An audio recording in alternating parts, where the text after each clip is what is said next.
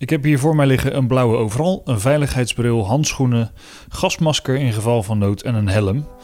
Dus uh, ja, ik ben er klaar voor. Welkom bij aflevering 4 van Wie, Wat, Waterstof. Mijn naam is Selwyn Frenzen en in deze podcast neem ik je mee op mijn zoektocht naar wat waterstof precies is, wat we ermee kunnen en wat we er al mee doen. In de vorige aflevering bezocht ik meerdere bedrijven voor wie waterstof al een realiteit is en er dagelijks mee werken. Vandaag vervolg ik mijn tournee en ga ik de Rotterdamse haven in. Ik bezoek vandaag een aantal bedrijven die waterstof produceren. En we beginnen in de botlek bij Nobian.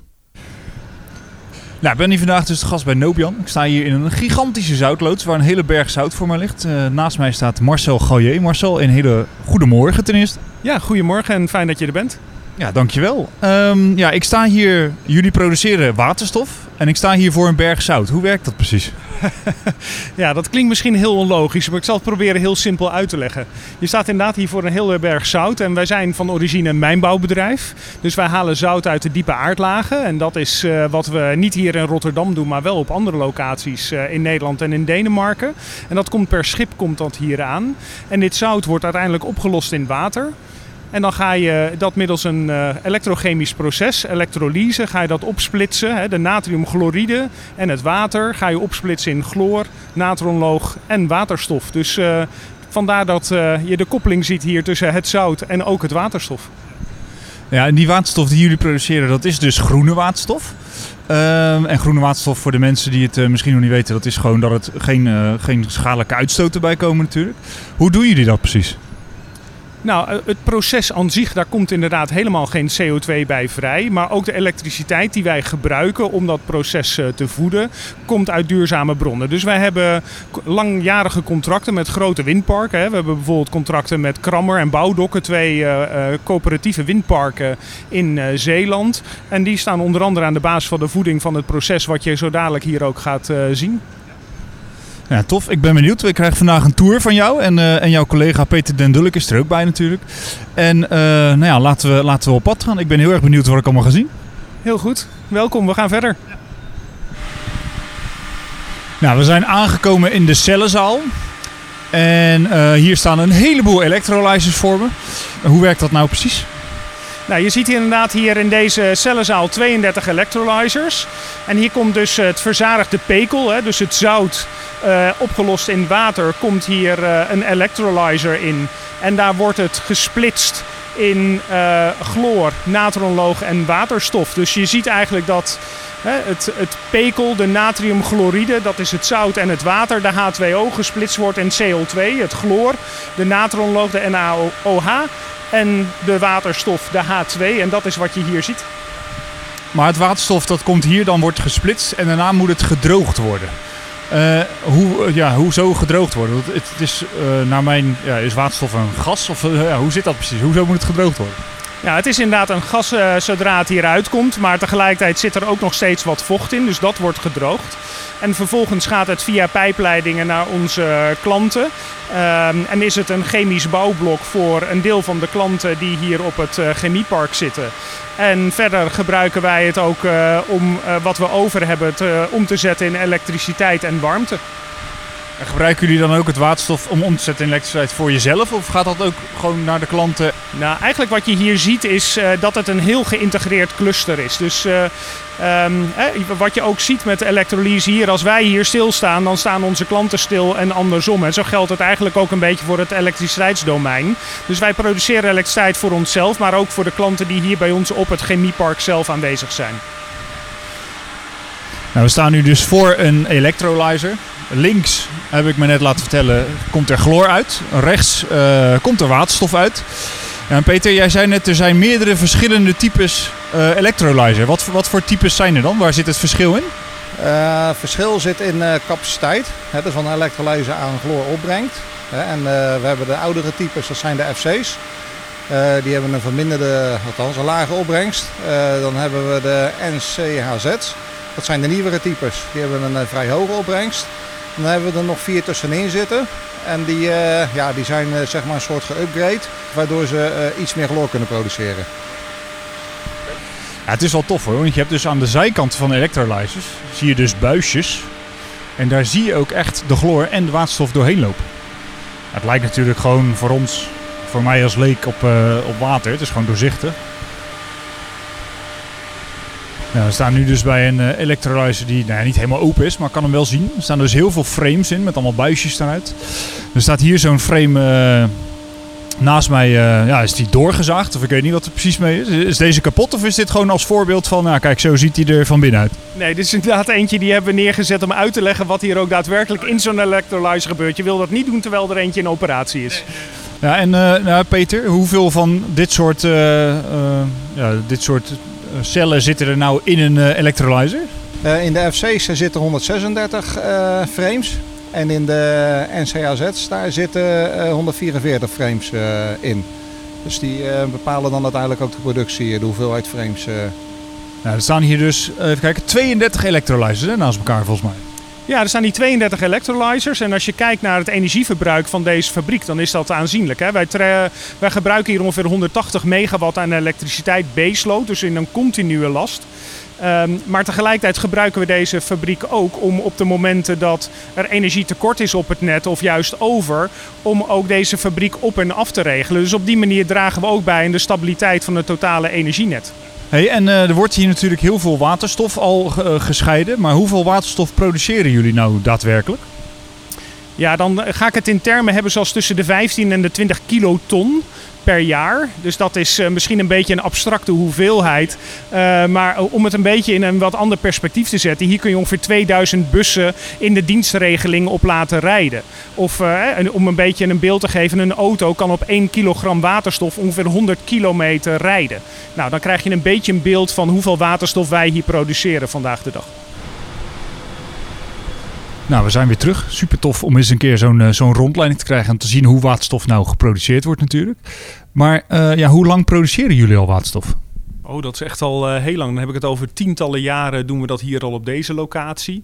Maar ook op andere locaties. Het is in de basis een heel oud proces, het maken van waterstof middels elektrolyse. Nee, je zei het al, uh, jullie zijn er al heel lang mee bezig. Nou is waterstof heel erg opeens een ding van de toekomst geworden natuurlijk. Omdat we weten van, ja, we kunnen er heel erg veel energie mee opwekken. Hoe zien jullie de, de toekomst precies wat dat betreft? Ja, dat is, een, dat is een hele grote vraag die je me nu stelt. La, laat ik hem proberen een beetje te be, beperken op wat wij uh, daarmee doen en onze plannen zijn. Um, kijk, laat ik in eerste instantie vaststellen dat waterstof een bouwblok is niet alleen voor de industrie vandaag, maar ook voor de industrie van morgen. Dus willen we uiteindelijk naar een volledig duurzame economie 2050, zullen we ook in dat geval hele grote hoeveelheden waterstof nodig hebben, omdat een groot gedeelte van de duurzame en circulaire industrie heeft waterstof als bouwblok nodig. Nou, dat is precies waar wij als bedrijf een rol in willen spelen. En waar we grote projecten op stapel hebben staan om waterelektrolyse te doen. Dus niet wat je vandaag hier gezien hebt, waar we uh, pekel splitsen, maar dan gewoon puur water. En daar hebben we projecten in Delfzijl, in Rotterdam, uh, maar ook in Amsterdam en ook buiten Nederland, waar we echt grote fabrieken willen uh, neerzetten om ja, eigenlijk de moeilijk te verduurzamen industrieën te verduurzamen. Dan moet je denken aan scheepvaart, luchtvaart, staal. Nou, dat zijn echt de uh, producten waar waterstof echt een grote rol in gaat spelen. En tegelijkertijd in het klein, laat ik daar ook even mee beginnen, wat we nu doen. Je hebt ook gezien dat uh, waterstof hier met, uh, of het zout komt hier met een schip aan. Dus we zijn ook bezig om een schip om te bouwen naar waterstof. Zodat de waterstof die wij hier opwekken, en niet alleen hier, maar ook in Delfzijl, uiteindelijk ook gebruikt gaat worden om het schip wat nu heen en weer vaart om het zout naar Rotterdam te brengen, dan op waterstof van onszelf gaat varen. En op die manier een duurzame keten gaan bouwen. Marcel, mag ik jou hartelijk danken voor je tijd. En de duidelijke uitleg. En tot de volgende keer. Ja, dankjewel en dank voor je bezoek. Dat was dus het eerste bezoek van vandaag bij Nobian. Heel tof om te zien hoe zij al waterstof produceren. En dat dus eigenlijk al heel lang doen. we gaan door naar de Maasvlakte. Daar ga ik op bezoek bij Uniper, waar ik een afspraak heb met Fred Hagen. We zijn aangekomen bij Uniper hier op de Maasvlakte. Naast mij zit Fred Hagen. Fred, goedemorgen. Goedemorgen. Jullie produceren nu al, las ik op de website, kunnen jullie tot 7% van de Nederlandse energiebehoefte produceren. Hoe, uh, hoe doen jullie dat nu op dit moment nog uh, precies? Op dit moment uh, doen we dat met een uh, kolengestookte uh, elektriciteitscentrale. waarbij kolen gebruikt wordt voor de productie van, van de elektriciteit. de centrale heeft een capaciteit van ongeveer 1100 megawatt. En ja, die stroom die leveren wij aan, aan het net. En um, als we dan kijken naar, naar waterstof, want daarvoor zijn we hier natuurlijk. Jullie zijn heel druk bezig met de ontwikkeling van uh, toepassingen van, van groene waterstof. Um, hoe willen jullie die groene waterstof dadelijk gaan produceren? Ja, wat wij gekozen hebben als technologie is elektrolyse technologie. Dat wil zeggen dat je water splitst in waterstof en zuurstof. Ehm, daarvoor gebruiken wij elektriciteit. En de bedoeling is om deze elektriciteit van de windparken of, uh, gebouwd op de Noordzee uh, te importeren naar onze elektrolyzer. En um, ja, die waterstof die, jullie dan gaan produceren, wordt dat echt alleen geproduceerd voor, ja, voor het net ook, voor elektriciteit? Of gaan jullie het ook nog voor andere dingen produceren? Ja, de, de grootste toepassing is dat wij de waterstof gaan injecteren op de waterstof backbone, die nog gerealiseerd moet worden in de havenbedrijf van Rotterdam. Dat is samenwerking tussen, tussen het havenbedrijf en GasUnie. En dan transporteren wij deze waterstof uh, vanuit onze electrolyzer naar omliggende klanten. Uh, dat is, ja, die gebruiken dat in hun processen voor, uh, voor het produceren van bijvoorbeeld biofuels. De andere mogelijkheid is dat we kijken naar waterstoftoepassing bij ons op site. ja, er zijn wat studies gaande om te kijken of wij onze gasturbine deels kunnen stoken met, met waterstof gaat, staat genoeg te gebeuren dus. Maar per wanneer willen jullie dat uiteindelijk gaan doen? Wat is de, wat is de richtlijn daarvoor? Nou, de bedoeling is dat wij voor eind 2024, en als we iets vertraging hebben, zal het begin 2025 zijn, dat we de eerste waterstof willen gaan produceren. Ja, en van de week, we hadden het er net al even over, ten tijde van uh, nou, wanneer we nu opnemen, is uh, net het bericht naar buiten gekomen dat uh, het havenbedrijf Rotterdam en Uniper natuurlijk een overeenkomst hebben gesloten voor de bouw van die van die waterstoffabriek. En uh, wanneer gaat die bouw beginnen? Nou, de planning van de bouw is, wij doen nu een fietsstudie. Uh, en we hopen die daar zo rond april volgend jaar uh, gereed te hebben. Waarna wij dus de markt op gaan om potentiële leveranciers te selecteren voor de constructie van de plant. Dus hoop, ja, de schatting is dat het aan het eind volgend jaar dat wij kunnen beginnen met de bouw van de, van de installatie. En ik kan me voorstellen dat dat dan nu nog, uh, dat de kolenplant en de nieuwe waterstofplant, dat die nog tegelijk gaan draaien. Zit daar nog een overlap in? Nee, nee de, kolen, de kolenplant wordt uitgefaseerd en die moet voor 2030 uh, moet die uit bedrijf uh, genomen worden. Er worden nu voorbereidingen voor getroffen, maar dat staat los van, van de electrolyzer, van het electrolyzerproject. Oké, nou ja, zouden wij kunnen, nu kunnen zien waar de, waar de nieuwe waterstoffabriek eigenlijk moet gaan komen, of niet? Ja, dat kan, kunnen we zeker zien. Dus uh, ja, als we zo uh, een rondje gaan maken over het terrein heen, dan uh, kan ik het laten zien waar alles moet gaan komen. het is een, ja, voor, voor de perceptie is, wij beginnen met een 100 megawatt elektrolyzer.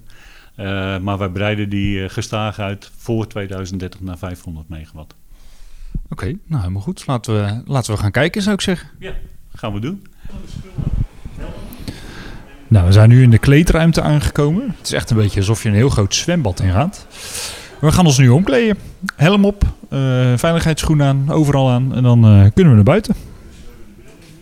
Uh, en we nu lopen we in de richting van, uh, van de kolencentrales. Aan de rechterkant zie je de twee oude centrales, NPP 1 en NPP 2. En recht voor je zie je dus de MPP3, dat is de meest uh, nieuwe centrale die uh, in 2012 opgestart is uh, voor Uniper. Maar dat is dus een nieuwe centrale, maar die moet dus ook weer per 2030 dan uit de roulatie? 2030 moet die uitgefaseerd worden, ja. ja. Daar komt de stroom van zee komt binnen, van, van, vanaf de windparken. Die komen in het uh, Tennet substation, worden de aansluitingen gemaakt.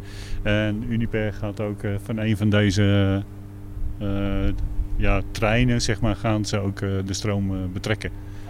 Daar, daar, wordt dan dadelijk de groene waterstof van gemaakt? Ja, klopt. Ja, ja, want omdat onder de Renewable Energy Directive er moet een directe verbinding zijn tussen de, het windpark en de elektrolyzer. we, staan, ja, we staan nu voor een stuk braakliggend terrein. Ik zie heel veel gras. Is dit waar die Ja. groene waterstoffabriek gebouwd moet gaan worden? Eh, over het hele terrein heen eh, wordt eh electrolyzer eh, plants gebouwd. Het zijn vijf modules van 100 megawatt. En die bouwen wij eh, gewoon één voor één op eh, naar deze kant toe. Ja, en die, eh, die 100 megawatt, even voor, om het even visueel te maken. Hoeveel ja, bijvoorbeeld bussen zouden daarop kunnen rijden? Nou, ongeveer 20.000 bussen ongeveer. Ja, en we hadden het er net even over. Jullie kunnen hier nu tot 7% van de Nederlandse energievraag produceren. Eh, is dat straks met waterstof ook nog steeds het plan? Of jullie meer gaan produceren? Eh, de bedoeling wel om, eh, om het te compenseren. Wat we, wat we kwijtraken zeg maar, aan eh, productiecapaciteit van de kolencentrales, zoeken wij naar alternatieven om, om toch stroom te blijven produceren. De oude kolencentrales die gaan dus gedemonteerd worden dadelijk. Eh, kan er dan gelijk weer op gebouwd worden? Of moet daar nog iets mee gebeuren? Of kan je het her gaan gebruiken? Nee, hergebruik is helaas niet mogelijk. Wat we wel doen is dus als ze ge- ge- afgebroken zijn, hè, dat de grond eh, gesaneerd wordt eh, voordat er weer andere activiteiten op eh, ontwikkeld kunnen worden. En zal die andere activiteit, is het dan, zou het een optie zijn voor jullie om dan nog meer eh eh, electrolyzers te gaan bouwen? Of?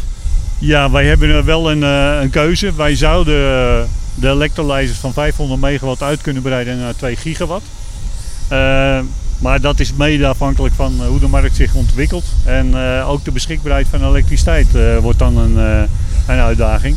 Want we weten dat er veel windparken bijgebouwd gaan worden. Maar of die alle electrolyzers kunnen voeden in Nederland, dat is nog niet duidelijk. Ja, want jullie, ja, je zei het net al, met name met windenergie gaan jullie produceren. Ja. Is het ook nog een optie om andere energie aan te worden, bijvoorbeeld uit zonnepanelen? Ja, maar we hebben natuurlijk niet zoveel oppervlak. Kijk, een van de ideeën die we hebben om op de daken van de electrolyzer eh, eh, gebouwen, om daar die te vullen met zonnepanelen. eh, en daar een stuk, stukje stroom van af te halen. Maar ja, dat is natuurlijk niet lang niet Het valt, staat niet tegen de, tegen de windpark. bijdragen aan de groene stroomproductie. ja. Nee, wat wel in de bedoeling ligt om de waterstofproductiecapaciteit met andere energiedragers te gaan, gaan invullen. Dat wil zeggen de import van eh, energiedragers zoals eh, groene ammoniak en eh, groene koolwaterstoffen, die dan elders in de wereld geproduceerd worden. Ja, er zijn in het Midden-Oosten, maar ook Afrika en Zuid-Amerika, zijn er projecten in ontwikkeling die deze energiedragers kunnen produceren en ook doen. Er zijn ook al initiatieven nu. En wij importeren dan als Uniper deze energiedragers en die zetten wij dan zelf om in, eh, in waterstof, in groene waterstof. We staan nu in de lift in de kolencentrale. We vliegen nu naar boven. We gaan nu naar 115,5 meter hoog. Laten we eens even kijken van het uitzicht genieten hier eh, op de Maasvlakte. We lopen nu naar boven en we zien holy moly. Je kan vanaf hier dus 120,5 meter hoogte. En we kijken nu over de hele Maasvlakte heen. Er staat nauwelijks wind, dat valt me wel op. Ja, wat, eh, wat zien we hier allemaal voor ons? Ik zie daar, eh, volgens mij het energienet waar het net over had, waar jullie elektriciteit binnen. Het substation van, eh van Tennet, waar de windelektriciteit aanlandt op dat station hier. En wat dan geleverd kan worden aan de, aan de verschillende elektrolyzerprojecten. op het conversiepark en natuurlijk aan Uniper. Wil je weten hoe het uitzicht eruit ziet? Check dan natuurlijk onze website portofrotterdam.com slash wie wat waterstof. Nou, zo is het bezoek bij Uniper aan het einde gekomen. Eh, Fred, ik wil jou hartstikke bedanken dat wij hier eh, mochten zijn en dat we natuurlijk even naar boven mochten. Graag gedaan en eh, ik hoop dat je een goede indruk hebt gekregen van, van hoe het er bij Uniper gaat uitzien in de toekomst.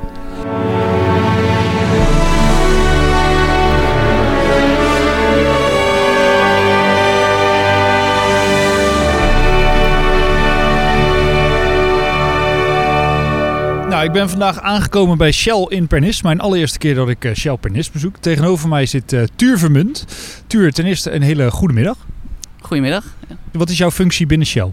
Ik ben een technoloog voor het, eh, voor het waterstofnetwerk. En wat ik doe is, ik ben dagelijks bezig met het optimaliseren en het ja, verbeteren van hoe wij waterstof op dit moment produceren en gebruiken.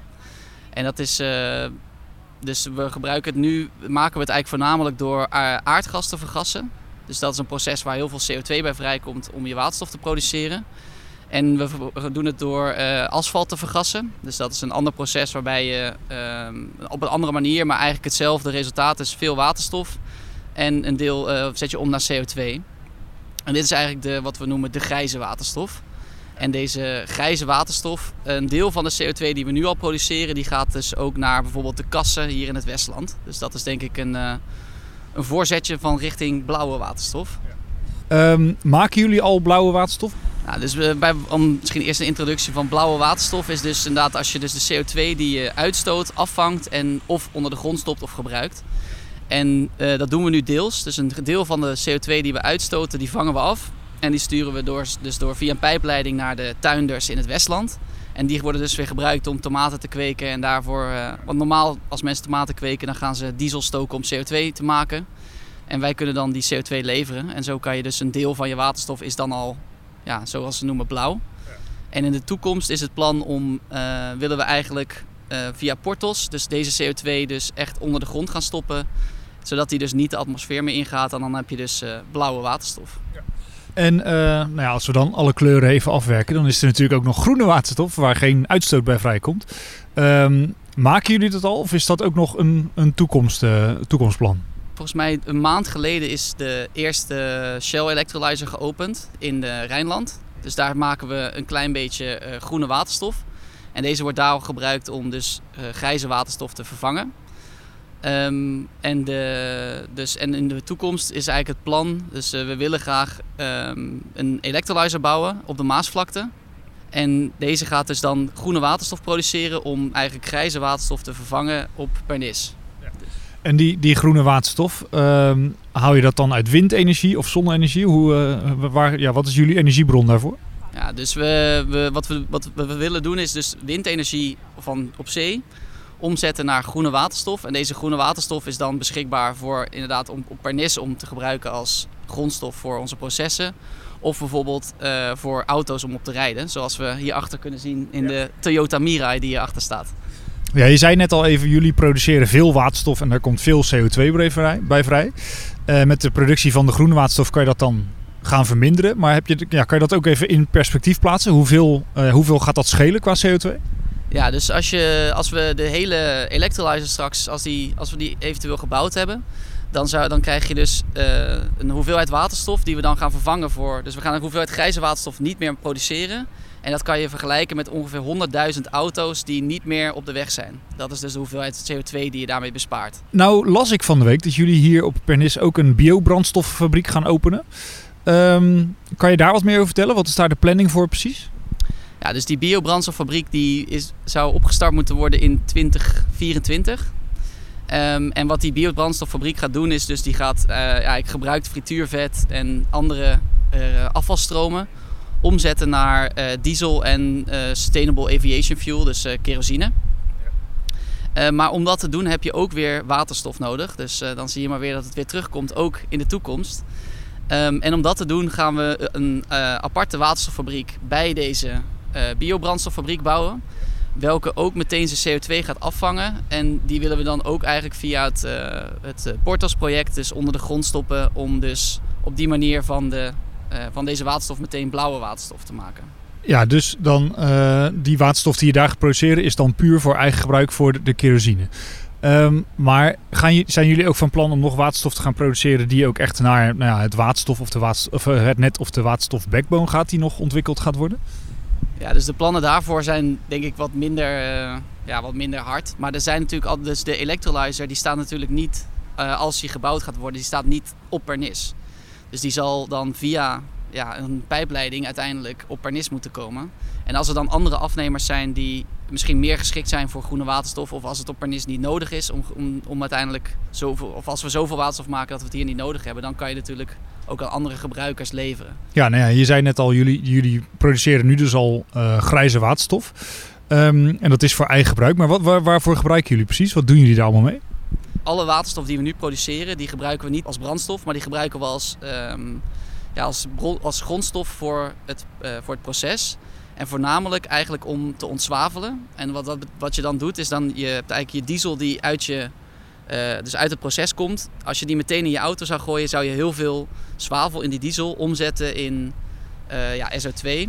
En die SO2 die zorgt voor het welbekende zure regen.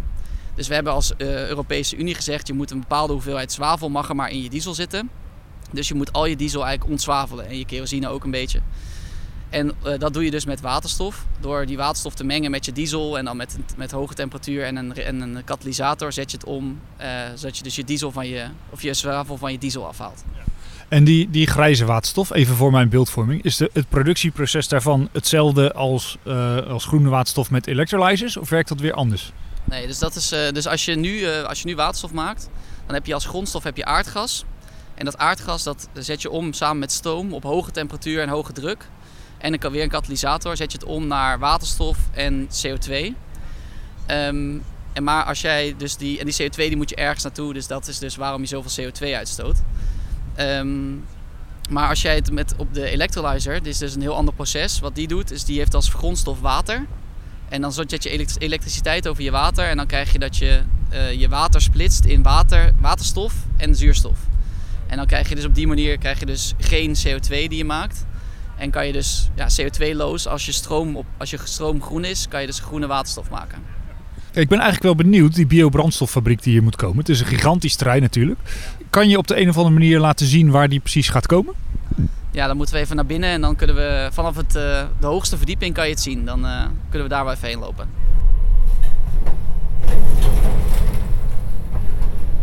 Nou, je hoorde het al, we zijn nu boven. Um, ja, kan je zeggen, wat, wat zien we hier nu precies? Nou, je ziet, uh, ja, je ziet hier eigenlijk de, ja, wat we noemen de oude kant van de raffinaderij. Um, en dit is de kant waar niet de biobrandstoffabriek komt. Dus dat is wel leuk om het dan uh, de oude kant te noemen. En daar zie je de hoge schoorsteen uh, 1. En die daarnaast zie je een soort, ja, soort dakje. En dat is dus de waterstoffabriek. Oh ja, ja, ja. Ja, dus hier zie je dus de andere kant. Dit is dus, ja, we moeten iets dichter bij het raam staan. Ja. Dus daar zie je meteen de andere hoge schoorsteen. Mm -hmm. Um, en eigenlijk ja, precies aan de andere kant, ja. daar ligt nu een heel terrein, zijn ze dus aan het uh, braakleggen. Of, ja, je ziet het daarachter, zie je misschien een paar van die graafmachines rijden. Ja, ja, in de verte. En dat is waar dus de nieuwe fabriek komt. Dus dat zie je, dat is echt helemaal aan de andere kant van waar we nu de waterstof maken. Daar komt dus een nieuwe waterstoffabriek en dus de biobrandstoffabriek. Maar als we dan naar links kijken van het gebouw, ligt daar nog een gigantische raffinaderij. Weet jij of er plannen zijn om die ook op de lange termijn uh, helemaal te gaan ver vervangen door uh, duurzame fabrieken? Of? Nou, kijk, er wordt natuurlijk altijd gekeken van wat is in de toekomst nodig en wat, uh, wat voor dingen zou je dan gaan veranderen. En uiteindelijk zou je dan zien dat, dat je misschien oudere processen dat die verouderd zijn en dat je nieuwe processen moet gaan opzetten. Maar daar heb je natuurlijk allemaal ruimte voor nodig en dat hebben we hier gelukkig. Dus de, er, zijn, er wordt altijd gekeken naar nieuwe fabrieken en uh, nieuw soort, nieuwe manieren om inderdaad uiteindelijk toch die vliegtuigen te laten vliegen of uh, je auto te laten rijden. Ja, en er wordt natuurlijk steeds minder ruwe olie gebruikt. En op een gegeven moment zal het ook gewoon een soort van op zijn. Wat, wat is dan de toekomst van Shell Pernis hier? Nou kijk, dus de, de, dat is denk ik het mooie waarom we nu uh, zijn omge, omgezet naar Shell Energy and Chemicals Park Rotterdam. Um, dat is zien dat je dus inderdaad die integratie van energiebedrijven produceren uit, uh, uit wat voor grondstof dan ook, dat dat hier dus kan. Ook op basis nu dus inderdaad in de toekomst van frituurvet. En je zal toch die chemicaliën ergens vandaan moeten halen.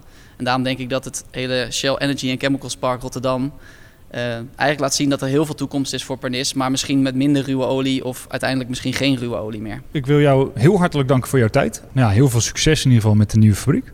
Dankjewel en uh, leuk dat je er was. Mijn tournee door de Rotterdamse haven zit erop. Mijn dank gaat uit naar Nobian, Uniper en Shell natuurlijk voor hun tijd en uitgebreide informatie. Wil je nou nog veel meer weten over waterstof of deze podcast? Neem dan een kijkje op onze website op portofrotterdam.com slash wie wat waterstof.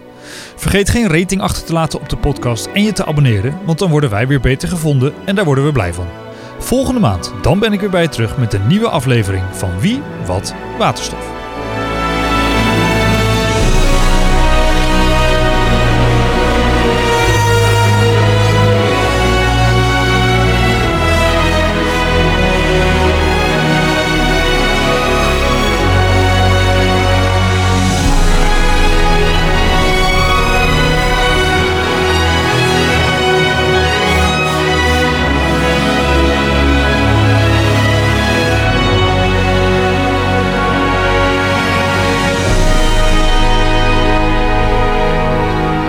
Deze podcast wordt mede mogelijk gemaakt door Havenbedrijf Rotterdam en Shell. De muziek is de officiële haventune Haven of Life, gespeeld door het Rotterdams Philharmonisch Orkest.